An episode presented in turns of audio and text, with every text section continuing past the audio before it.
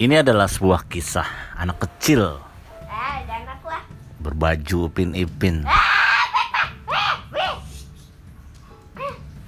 yang baru saja terbangun dari tidurnya.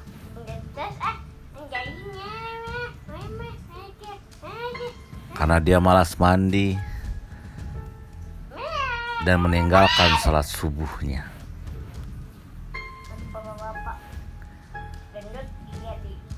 kawan.